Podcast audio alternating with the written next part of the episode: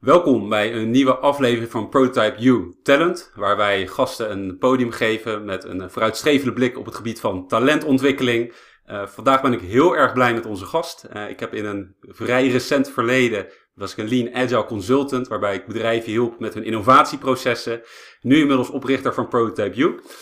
Uh, waar wij mensen helpen met, uh, waar we organisaties helpen met talentontwikkeling. Uh, maar in dat verleden werkten we volgens de Agile methodiek. En vandaag hebben we met bij ons de mede-grondlegger van de Agile methodiek. Eigenlijk medeschrijver van de Bijbel. voor veel mensen die Agile werken, het Agile Manifesto. En um, nou, met ons is Arie van Bennekum. Welkom, heel leuk om met je in gesprek te gaan. Ja.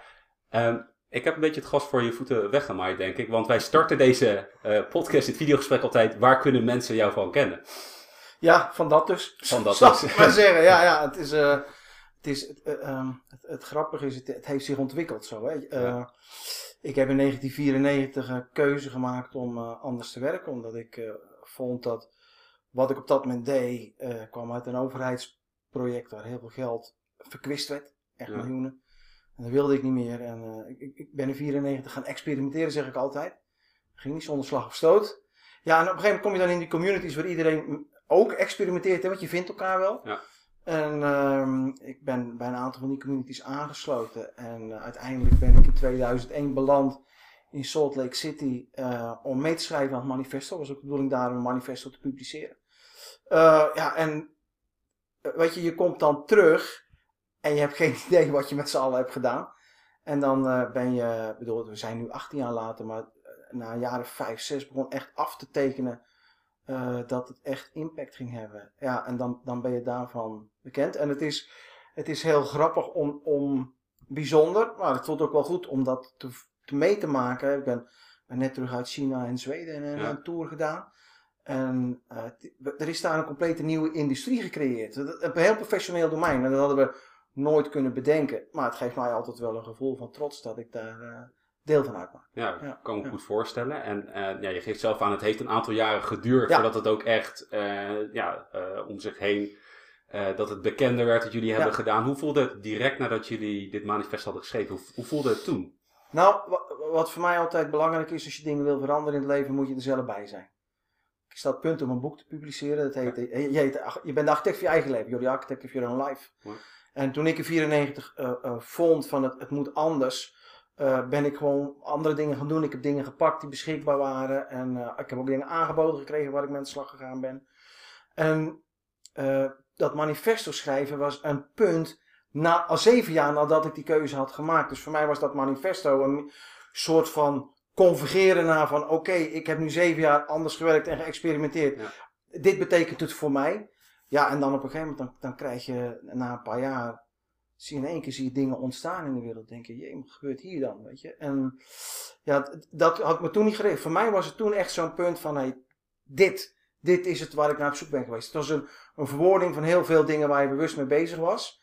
En dan heel compact in een paar regels uh, gebracht. En voelde dat bij zat in zat ik zit wel als een openbaring, als een revelatie van ja, dit, dit is hetgeen waar ik naar op zoek was? Ja, uh, voor mij wel, met, met een kanttekening. Hè. We zaten daar met z'n uh, zeventiende bij elkaar. En ik weet dat we, we zijn bij elkaar gekomen s'avonds uh, een biertje, wijntje eten. En ja. de andere ochtend zijn we begonnen vroeg. Ik heb nog altijd een foto van het congrescentrum. Als je binnenkomt, weet je, dat is, nou, welke zaal heb je welke meeting. Ik heb dat bord, dat heb ik uh, tegenwoordig ook in mijn PowerPoints opgenomen. Ik vind het zo leuk als ik op het podium sta. Je komt dan binnen en ja, dan heb je mensen daar die allemaal anders werken om hun eigen reden. Iedereen ja. heeft zijn eigen motivatie om dat te doen. En uh, iedereen had ook een andere, niet iedereen had dezelfde motivatie, laat ik het goed zeggen. Um, en, en, en dat bij elkaar brengen, uh, de grote gemene delen zoeken. Dat is wat we daar hebben gedaan. Nou, dat woord agile begint mee, maar ook de values en de principes. En wat, je, uh, wat ik, hoe ik in elkaar zit, als iemand een stuk schrijft en ik ben het daar niet mee oneens, maar het is niet voor mij, dan blijf ik er ook vanaf. Ja. Want dat is van de ander. Um, ik werkte in die tijd in, uh, vanaf 1997 bij een bedrijf, toen Solvision, later de Vision Web heette. Uiteindelijk heel erg aan de binnenkant, binnenkant echt agile georganiseerd, zelforganiserende teams, echt in de teams, eigen PNL, eigen marketing, eigen recruiting, alles deden we zelf. En uh, van mij uit is dat in het manifesto gekomen. Dus als je door al die values gaat en al die principes, dan zijn er bij mij wel een aantal die hebben de nadruk. Ja. Die vier values, dat is bij mij helemaal wat het is. Maar die twaalf principes, eh, wat je trust people to get the job done, is voor mij een heilig principe. Maximizing the work not done is voor mij een heilig principe. Face-to-face communicatie, de klant voorop stellen. Dat zijn de dingen waar het zit. En zijn er ook een aantal waar ik wat minder mee heb. Ja, ja. Als je, eh, onze kijkers eh, en luisteraars, die Ja. zijn met name ook met talentontwikkelingorganisaties bezig. En zij hebben misschien wel eens gehoord van Agile of ze werken al Agile. Zou jij eh, voor hun in jouw woorden kunnen uitleggen wat Agile voor jou betekent? Ja, kijk, wat, wat ik toen had in 1994 was dat je die oeverloze projecten die gingen over budget en over tijd. En er werd daarna, weet ik, een half jaar, een jaar, meestal langer, werd er iets opgeleverd. En dan was er altijd een klant die buitengewoon ontevreden was. En ook nog, ja, en ook nog moest wachten en ook nog meer moest betalen dan oorspronkelijk bedacht. En ik wilde, dus voor mij was die value delivery was heel belangrijk. Kan je nou iets, als iemand iets investeert, en zeker als je, ik, ik, mijn laatste eh, traditionele project was bij een overheidsinstelling. En zeker als je dan publiek geld uitgeeft, kan je dan ook eens een keer ervoor zorgen dat, dat, dat, dat er iets uitkomt, dat er iets oplevert.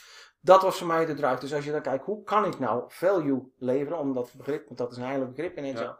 Hoe kan je dat oppakken? Zeg ik dat tegenwoordig met, met het enorme tempo van, van technologische innovatie, wat dus een impact heeft op elke business die er is en, en businessmodellen compleet op zijn kop gooit. Zeg ik altijd, als ik tegenwoordig probeer heel kort samen te vatten, Agile is een manier van opleveren van nieuwe producten, nieuwe services. En ik heb het niet alleen over IT, zeker niet. Maar alles wat je doet moet sneller. Omdat voordat je het weet is het obsolet of de concurrent. Die is er en dan, dan heb je eh, de problemen. Dus wat je wilt in Agile is in alle opzichten vertraging van oplevering voorkomen. Dus dat betekent dat je moet zorgen naar een manier van werken waar je alle misverstanden uit. Er zijn heel veel misverstanden. Ja. Bijvoorbeeld hè, met remote en written communication, zoals dat ze mooie documenten op en in. Het gaat alleen maar mis.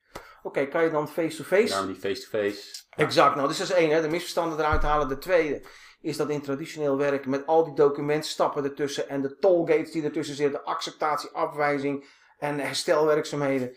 Eh, inefficiëntie zit er heel veel in. Eh, dus die wil je eruit halen. En omdat in traditioneel werk altijd pas aan het einde naar kwaliteit gekeken wordt. Eh, en aan het einde betekent dat we richting de deadline gaan. Die staat altijd onder druk. Ja. Dus uiteindelijk besteden we veel meer aandacht aan die kwaliteit dan we oorspronkelijk hadden bedacht. Waardoor de kwaliteit heel slecht is en je dus heel veel problemen krijgt je oplevering. Nou, die drie betekenen allemaal achteraf nog een keer extra tijd erin steken. Het betekent allemaal dus vertraging opleveren. Dus die wil je eruit halen. Het is gewoon een productieprincipe en we moeten het daar houden. Daar heb je allerlei dingen voor nodig om dat draaiende te krijgen. Dus je moet anders omgaan met je mensen. Je moet anders omgaan met besluitvorming. Je moet anders omgaan met. Maar uiteindelijk is dat is wel, is wel het doel waar je voor doet. Agile is niet heilig zelf. Het, het dient een doel. Ja, ja, het is altijd weer een middel om een doel te bereiken. Yes, ja, En absoluut.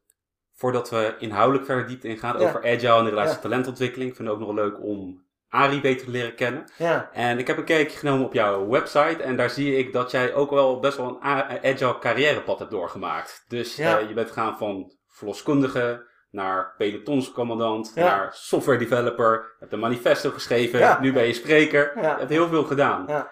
Hoe, hoe is dat, eh, kan je ons meenemen in, in waarom je die zijstapjes hebt gemaakt en hoe dat pad is eh, verlopen? Ja, dat kan ik wel. Het is, eh, nou dat komt weer. Je bent de architect van je eigen leven. Ja. En we laten ons te veel leiden door wat andere mensen vinden. En ik, weet nog, ik was 15, ik zat op het Atheneum. En dan had je in de derde, vierde jaar had je van die, van die voorlichtingsdagen. Dan ging je naar een andere locatie toe in bussen. En dan kwam je in een andere schoolgemeenschap bijvoorbeeld. En dan was daar een soort markt. En daar stond Defensie daar met de luchtmacht en de landmacht. Maar er stonden universiteiten. En, om talenten te spotten. Of, nou, enzovoorts. En ik weet wel, ik kwam, volgens mij was dat in Sleeuwijk eh, op zo'n eh, eh, zo'n voorlichtingsdag. En ik, ik botste daar aan tegen een stand van eh, het Rijksopleidingscentrum voor Verloskundigen. Dus ik kwam op mijn fietsje, uh, als middags uit Papendrecht, ik woonde in Sliedrecht, kwam ik eh, thuis bij mijn moeder. En mijn moeder was zo'n echte moeder van vroeger, weet je wel. Die zat gewoon te wachten thuis, thee, koffie, even, even kletsen. Thee en een koekje. Voor mij, koffie vooraan, ik dronk geen koffie in die tijd. En ik kwam thuis en ik zei tegen haar, ik zeg, ma, ik weet wat ik wil worden. Nou, nou, wat dan? En zij kwam zelf uit de ouderenzorg. Wel gestopt met werken toen ze getrouwd zijn kinderen kreeg, maar dat was haar achtergrond, dus de zorg. En eh, ik zei, nou, ik wil verloskundige worden. En dat was en is een beroep wat hoofdzakelijk eh, door vrouwen wordt gedaan. Toen nog veel meer dan nu. En je kan je dan gaan voegen naar wat de maatschappij vindt. Of wat je denkt dat de maatschappij van je gaat vinden. Ja. En mijn moeder die had maar één antwoord. Ja jongen, als, als, als dat is wat je wil, dan moet je dat gaan doen. Ja. Heel simpel. En die vrijheid thuis, eh, die heeft mij gewoon geleerd om zelf mijn paden te kiezen. En ik weet dat ik, nou goed, ik heb dat gedaan. En na anderhalf, twee jaar kwam ik erachter, ja, dit is het toch niet voor mij, voor de lange termijn. Ehm, nou, dan stop je met je opleiding. Dat betekent in Nederland dienstplicht. Nou, twee derde hoefde niet in dienst, Arie natuurlijk wel. En dan denk ik, ja, ik heb geen principiële reden om af te wijzen, dus maak ik er het beste van. En eh, het, was bedoeld dat ik als eh, onderofficier zou gaan eh, dienen. En binnen twee weken vroegen ze, wil je weer een officier worden, pelotonscommandant?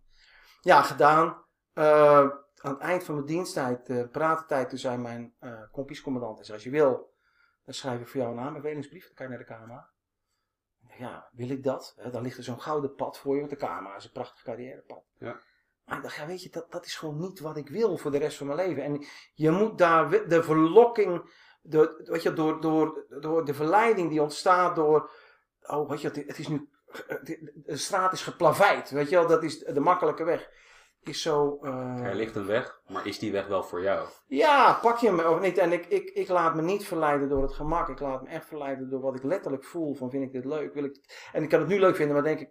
En dat is altijd. Ja, je weet niks zeker. Maar goed, ik heb toen gezegd: nee, dat, dat hoeft niet. Dankjewel. Ehm en toen heb ik gesolliciteerd bij. Het heette toen nog Moretta Limperger, tegenwoordig Ernst Young. Als kogelprogrammeur. Moet je weten dat ik. eh, eh, op mijn ateneumdiploma, ik had geen HBO, helemaal niks. Op ateneumdiploma had ik er vijf voor, voor wiskunde.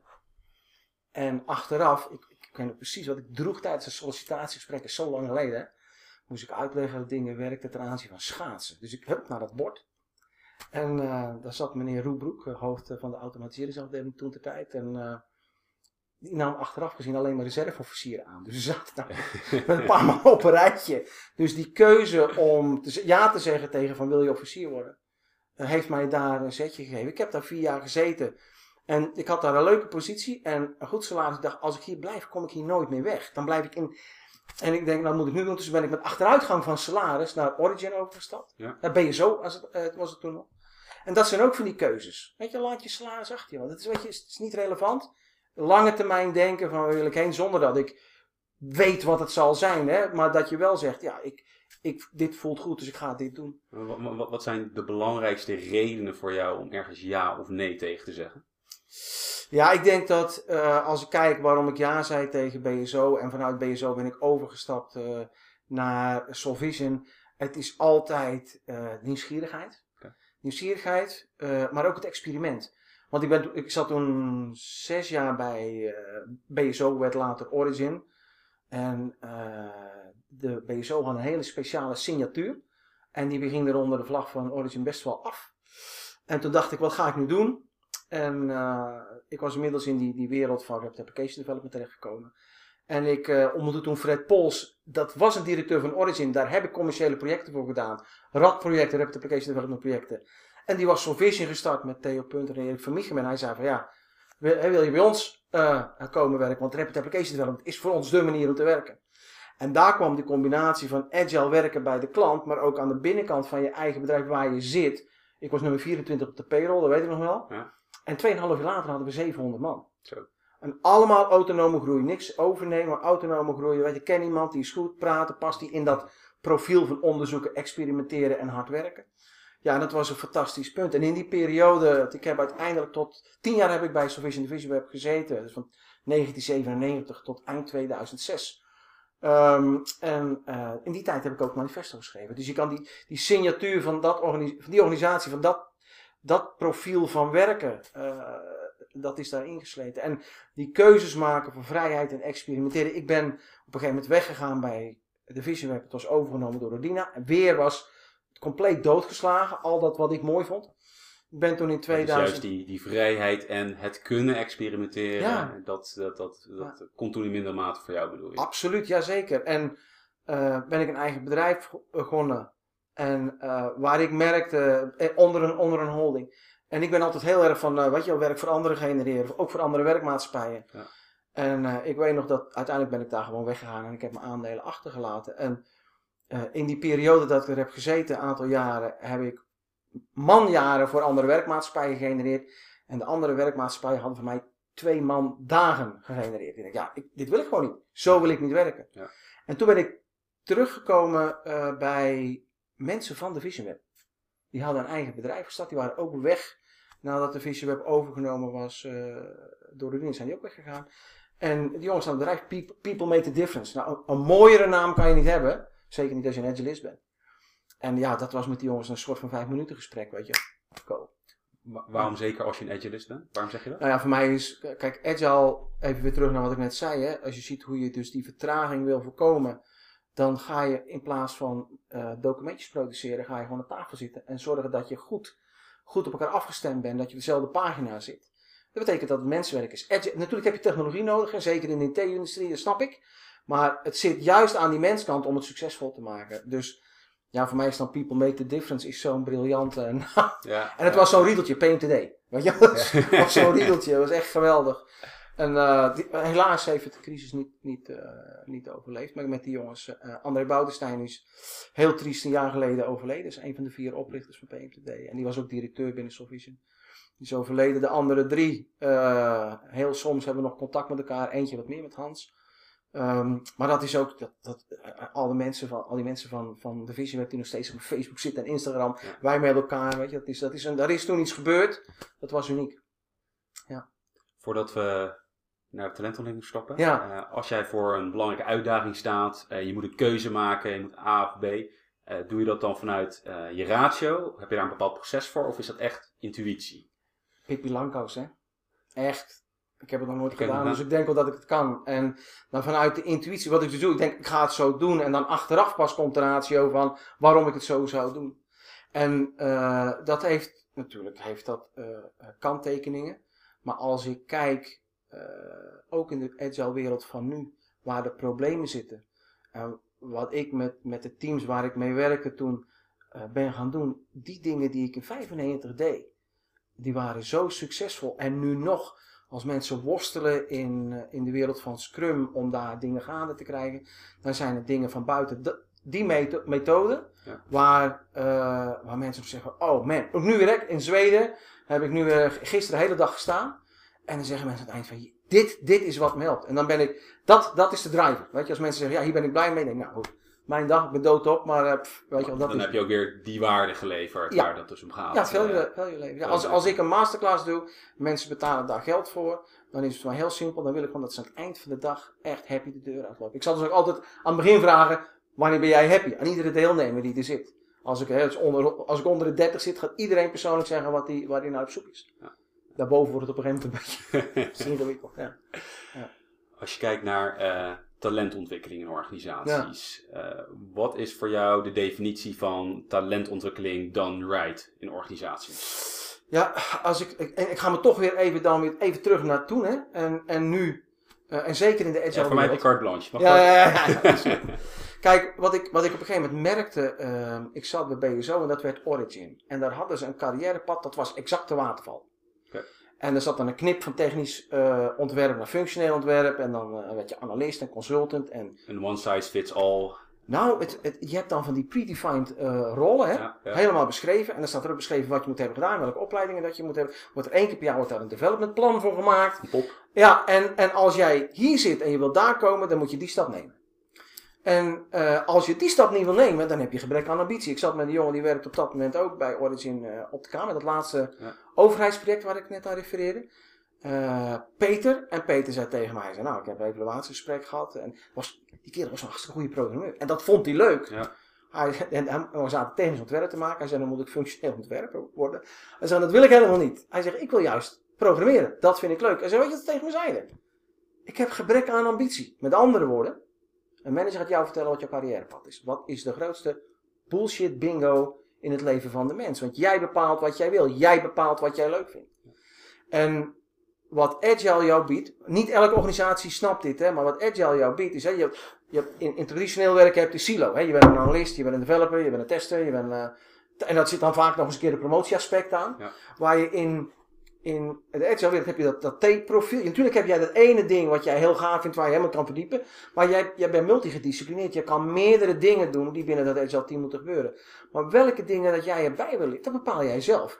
Dus mensen gaan zichzelf veel meer binnen dat team in een continu proces ontwikkelen op basis van hun ambitie. Ja. Waardoor ze volgens mij hun werk veel leuker vinden. En veel meer waarde leveren voor het bedrijf waar ze voor werken.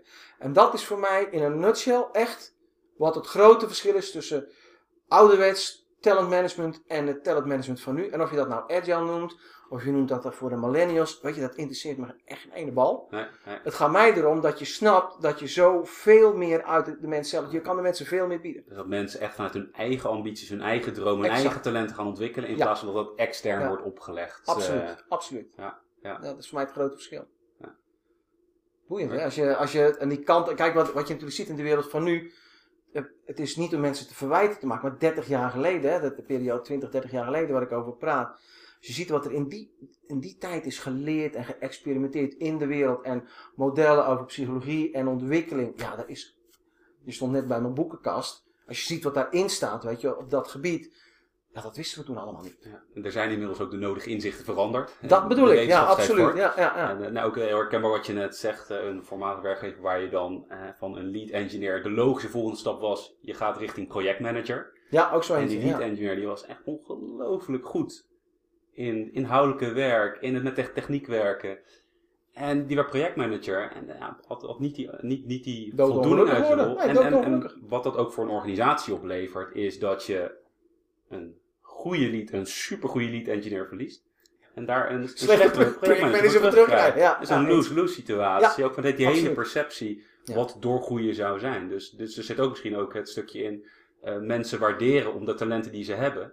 eh, in plaats van dat geld wat, eh, dat we daar alleen een paar stappen voor hebben, wat de weg omhoog is. Ik, ik werkte bij Divisieweb en op een gegeven moment een kennis van mij waar ik veel motor mee reed, zijn vrouw zat ook in de IT en IT-consultant te worden. Dus ik had er een gesprek mee gehad en eh, toen zei ze, nou ik wil bij jou wel zo'n training volgen. Dat was toen, ja dat zal DSDM training geweest zijn, ik weet het niet. En eh, toen ging ze, dat is een, eh, een bekende IT-provider in Utrecht, zal ik maar zeggen. Ja. Zonder namen te noemen. En toen belden ze me op, ze zeiden, nee ik mag niet naar de training, want hij past niet in mijn carrièrepad. nou echt, ik val dan van de bank af. Ja, En ook toen viel ik al van de bank af. Dat een ander bepaalt het wel of niet. Ja, jongens, hou op man, schei uit. Ja, Weet je. En dan ook dat managers denken dat ze, dat ze daar goede dingen mee doen. Dat is voor mij echt zo'n... ik ben het met je eens. Goed zo. Gelukkig. Ja. Eh, als je kijkt naar eh, dus, dus die definitie van talentontwikkeling, mensen vanuit hun eigen ambities en dromen laten ontwikkelen.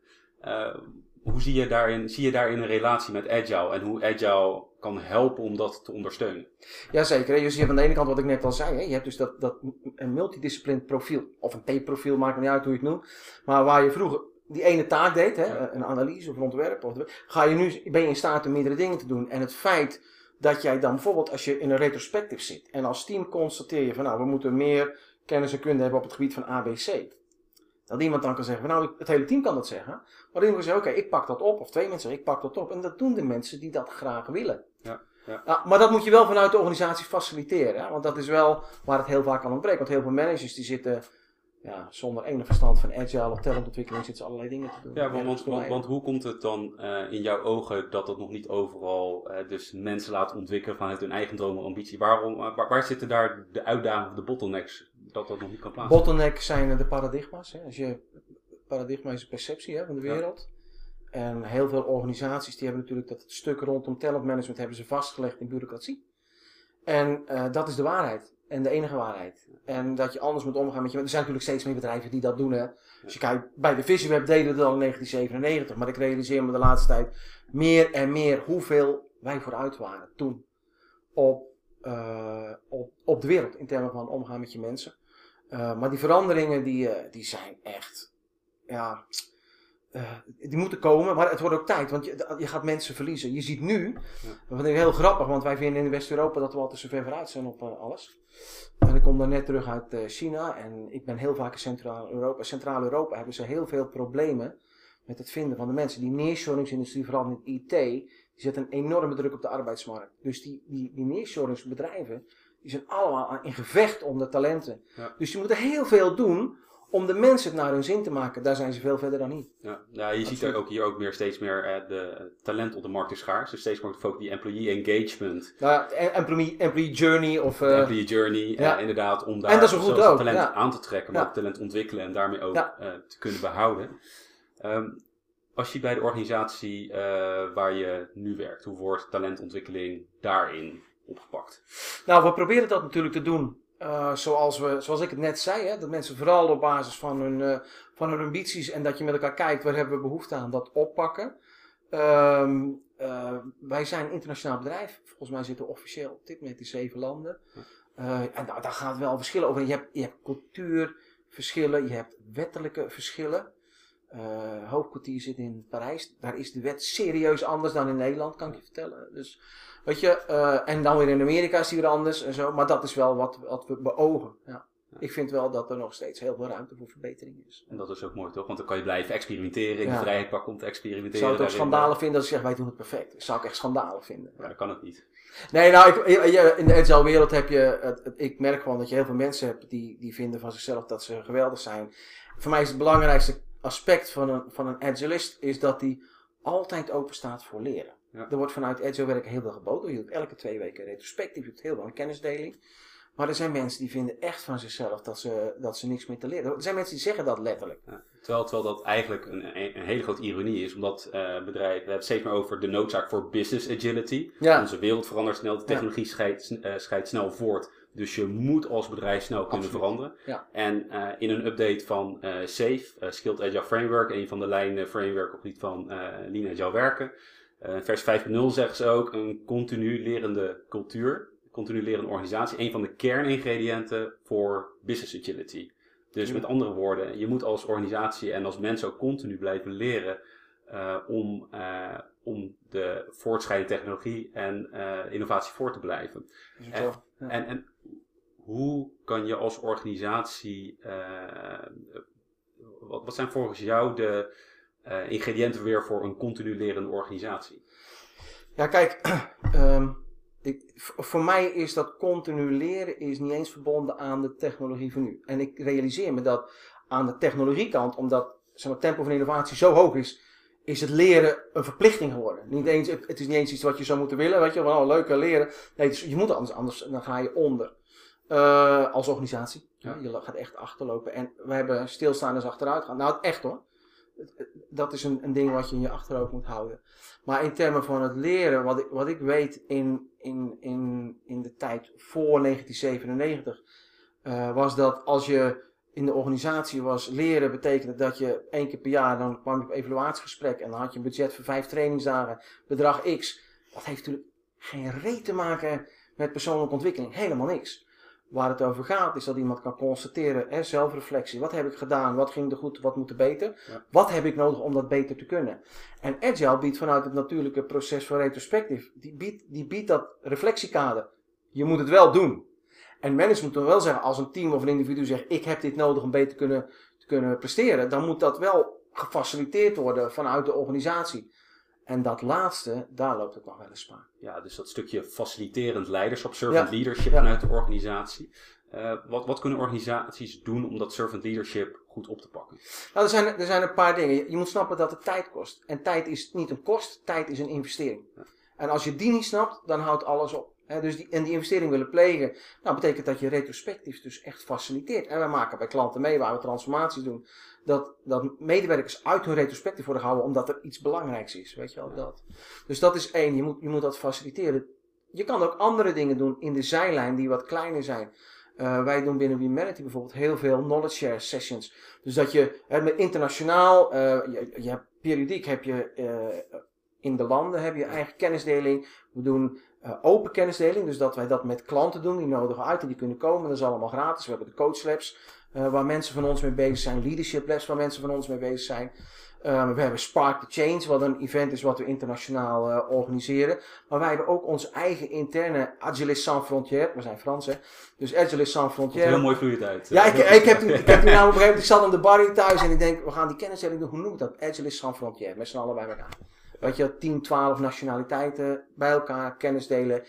eh, externe sprekers erbij halen. Intern vooral, wat heb je geleerd waar je, je collega's uh, baat van kunnen hebben.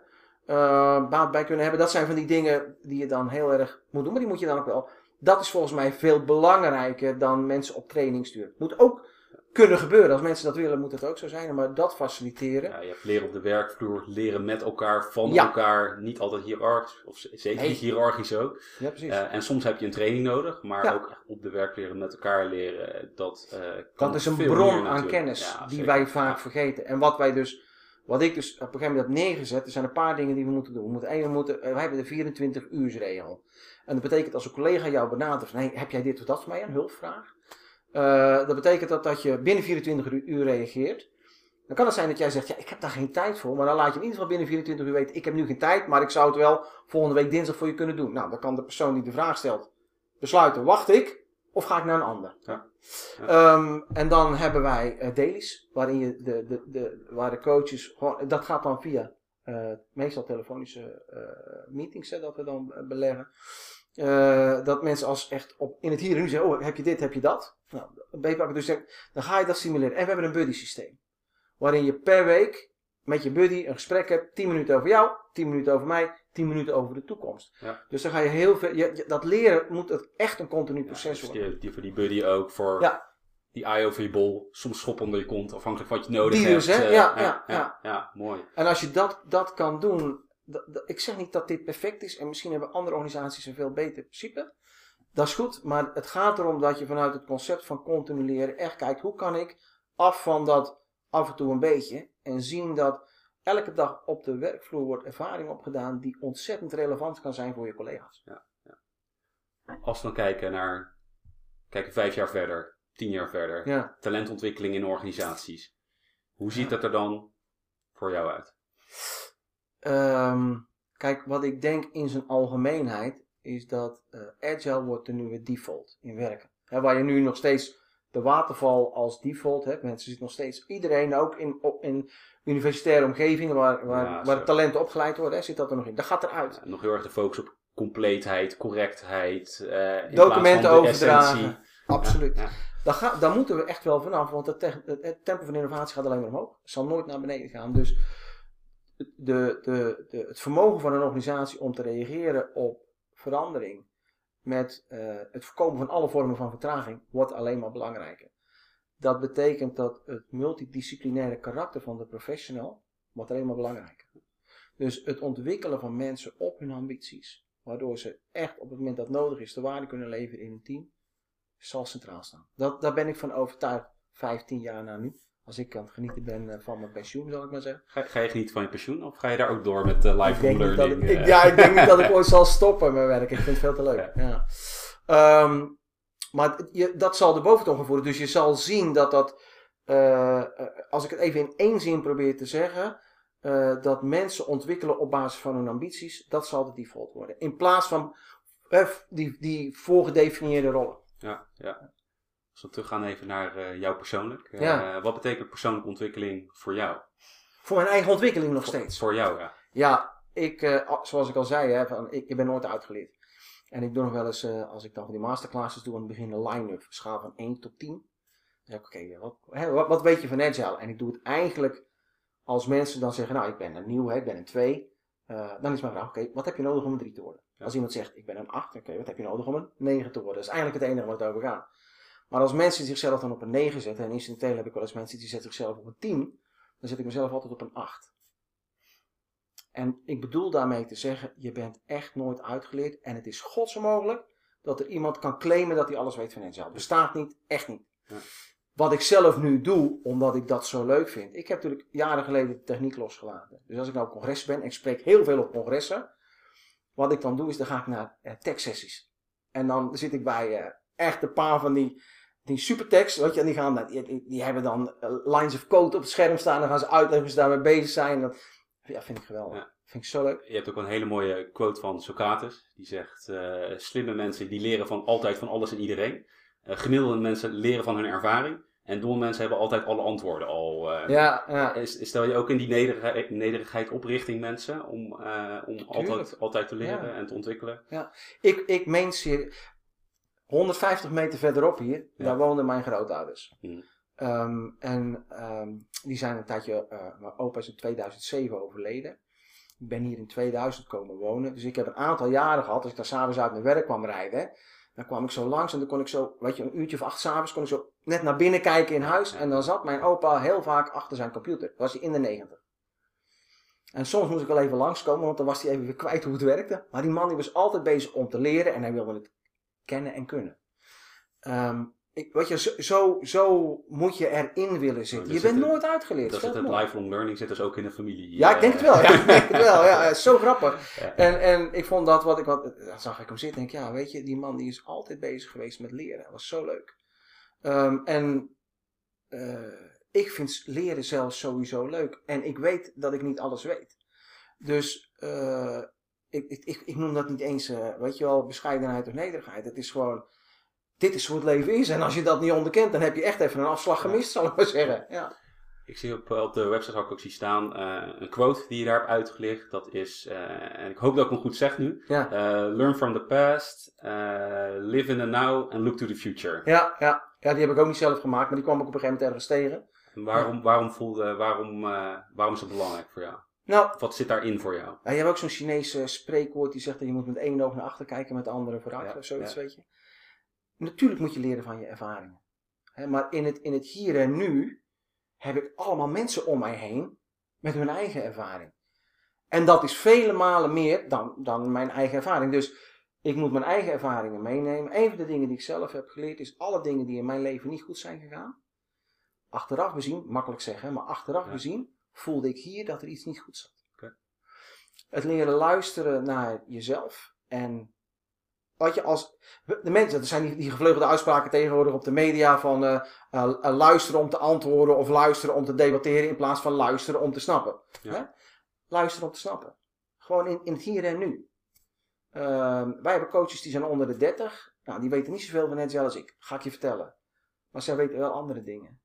En misschien andere dingen in transformaties die buitengewoon toegevoegde waarde, veel toegevoegde waarde kunnen hebben voor mezelf. Mijn oudste zoon, die is 27, die is organisatiepsycholoog, die werkt bij Humanity Nederland als agile coach. Ik heb niet, vind niet dat ik het recht heb om boven zo iemand te staan. Met een aantal dingen kan ik zeggen van ja, daar heb ik 20 jaar ervaring. Neem het nou alsjeblieft van me aan. Maar hij heeft een opleiding, een studie en zijn klant en zijn ervaring. Dan moet ik toch naar hem willen luisteren. Ja.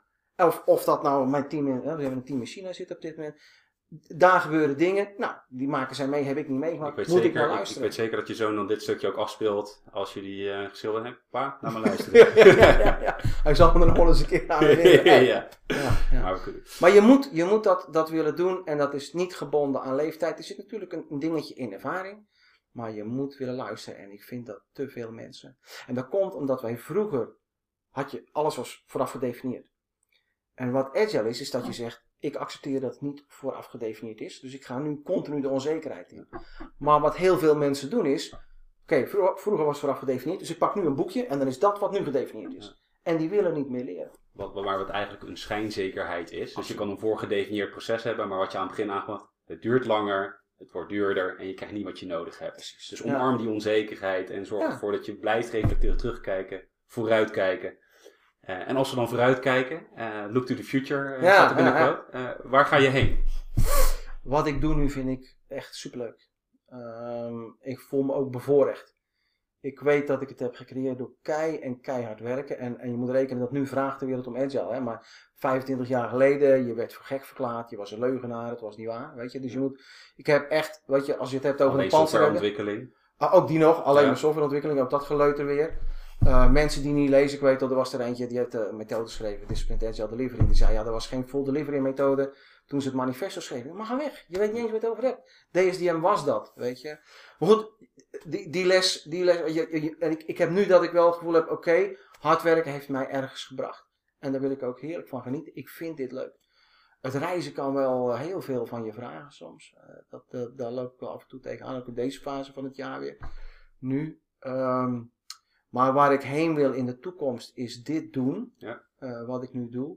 Uh, internationale transformaties met goede mensen omheen. Ik ben nu bezig met een van de mannen uit, uh, uit het DSDM-tijdperk uit Zweden. om samen weer onder de Humanity vleugels weer een nieuwe internationale organisatie neer te zetten. Ik ben bezig met Humanity Spanje om dat uit de grond te trekken. Ja, dat zijn de dingen die vind ik geweldig. En dan ondertussen lekker op podia staan. In ja, wat, wat, wat, wat ik toch zo even zo, zo willen vragen dan. Dus je hebt het over vrijheid en uh, experimenteren. Wat kan je ons één uh, experiment vertellen? Waar, wat, dus een experiment waar je, wat je gaat uitvoeren voor jou de komende tijd? Uh, of wat als een experiment voelt voor jou? Um, ja, dat zijn toch wel de twee, weer, weer twee experimenten. Um, uh, ik, ik, denk ook, uh, we hebben nu een hele grote transformatie in China. Dat is ook het. Ja. I mean, ik bedoel, sorry boy, ik wilde Engels gaan praten. Ja, in, in China, daar, ik wil niet alles onder, oh ja, dat is cultuurverschil. Daar wil ik het niet allemaal onder, onder thuis brengen. Maar daar zijn de dingen wel wezenlijk anders dan hier. Dus dat is best wel met je team.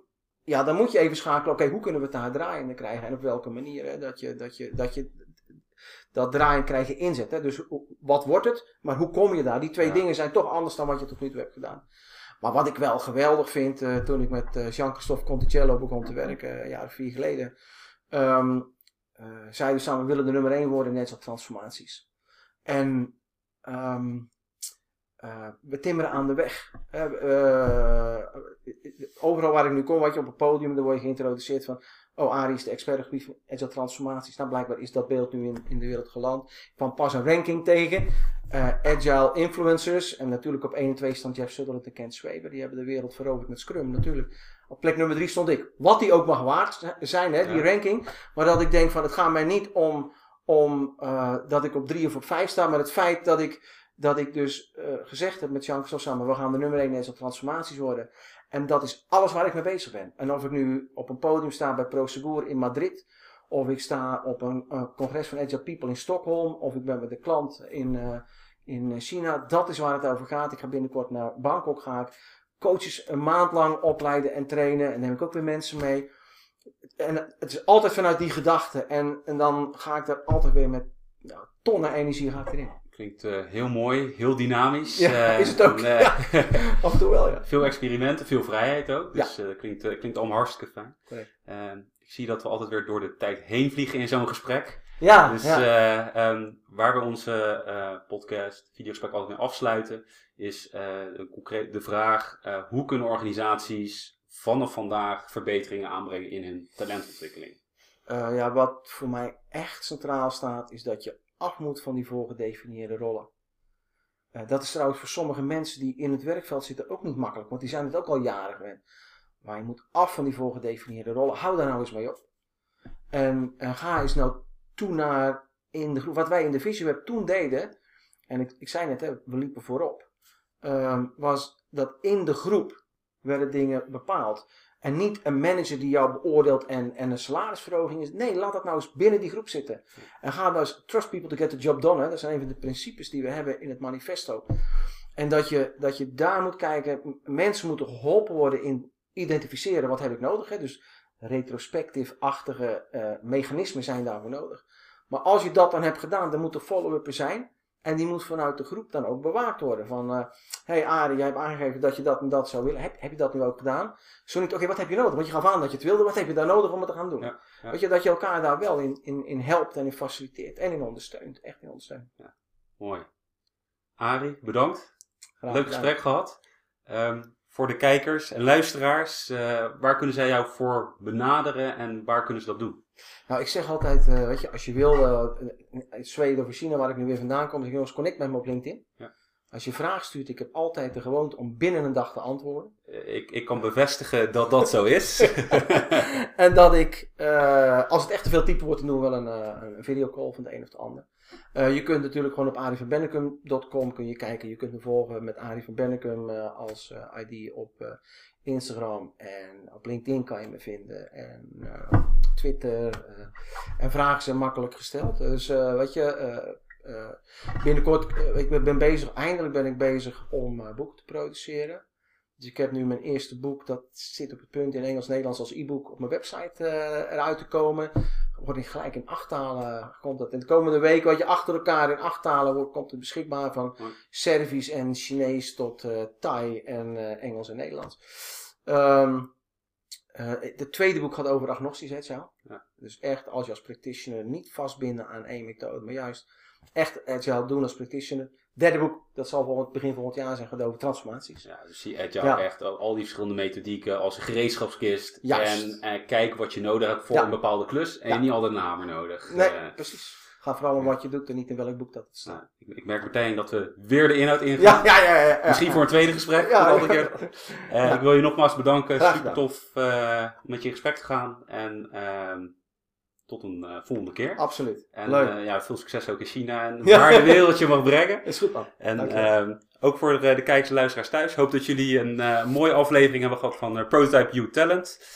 Ik zeker wel. En ik hoop jullie een volgende keer weer, dat jullie hier weer luisteren of kijken naar deze aflevering. Groetjes. Hi.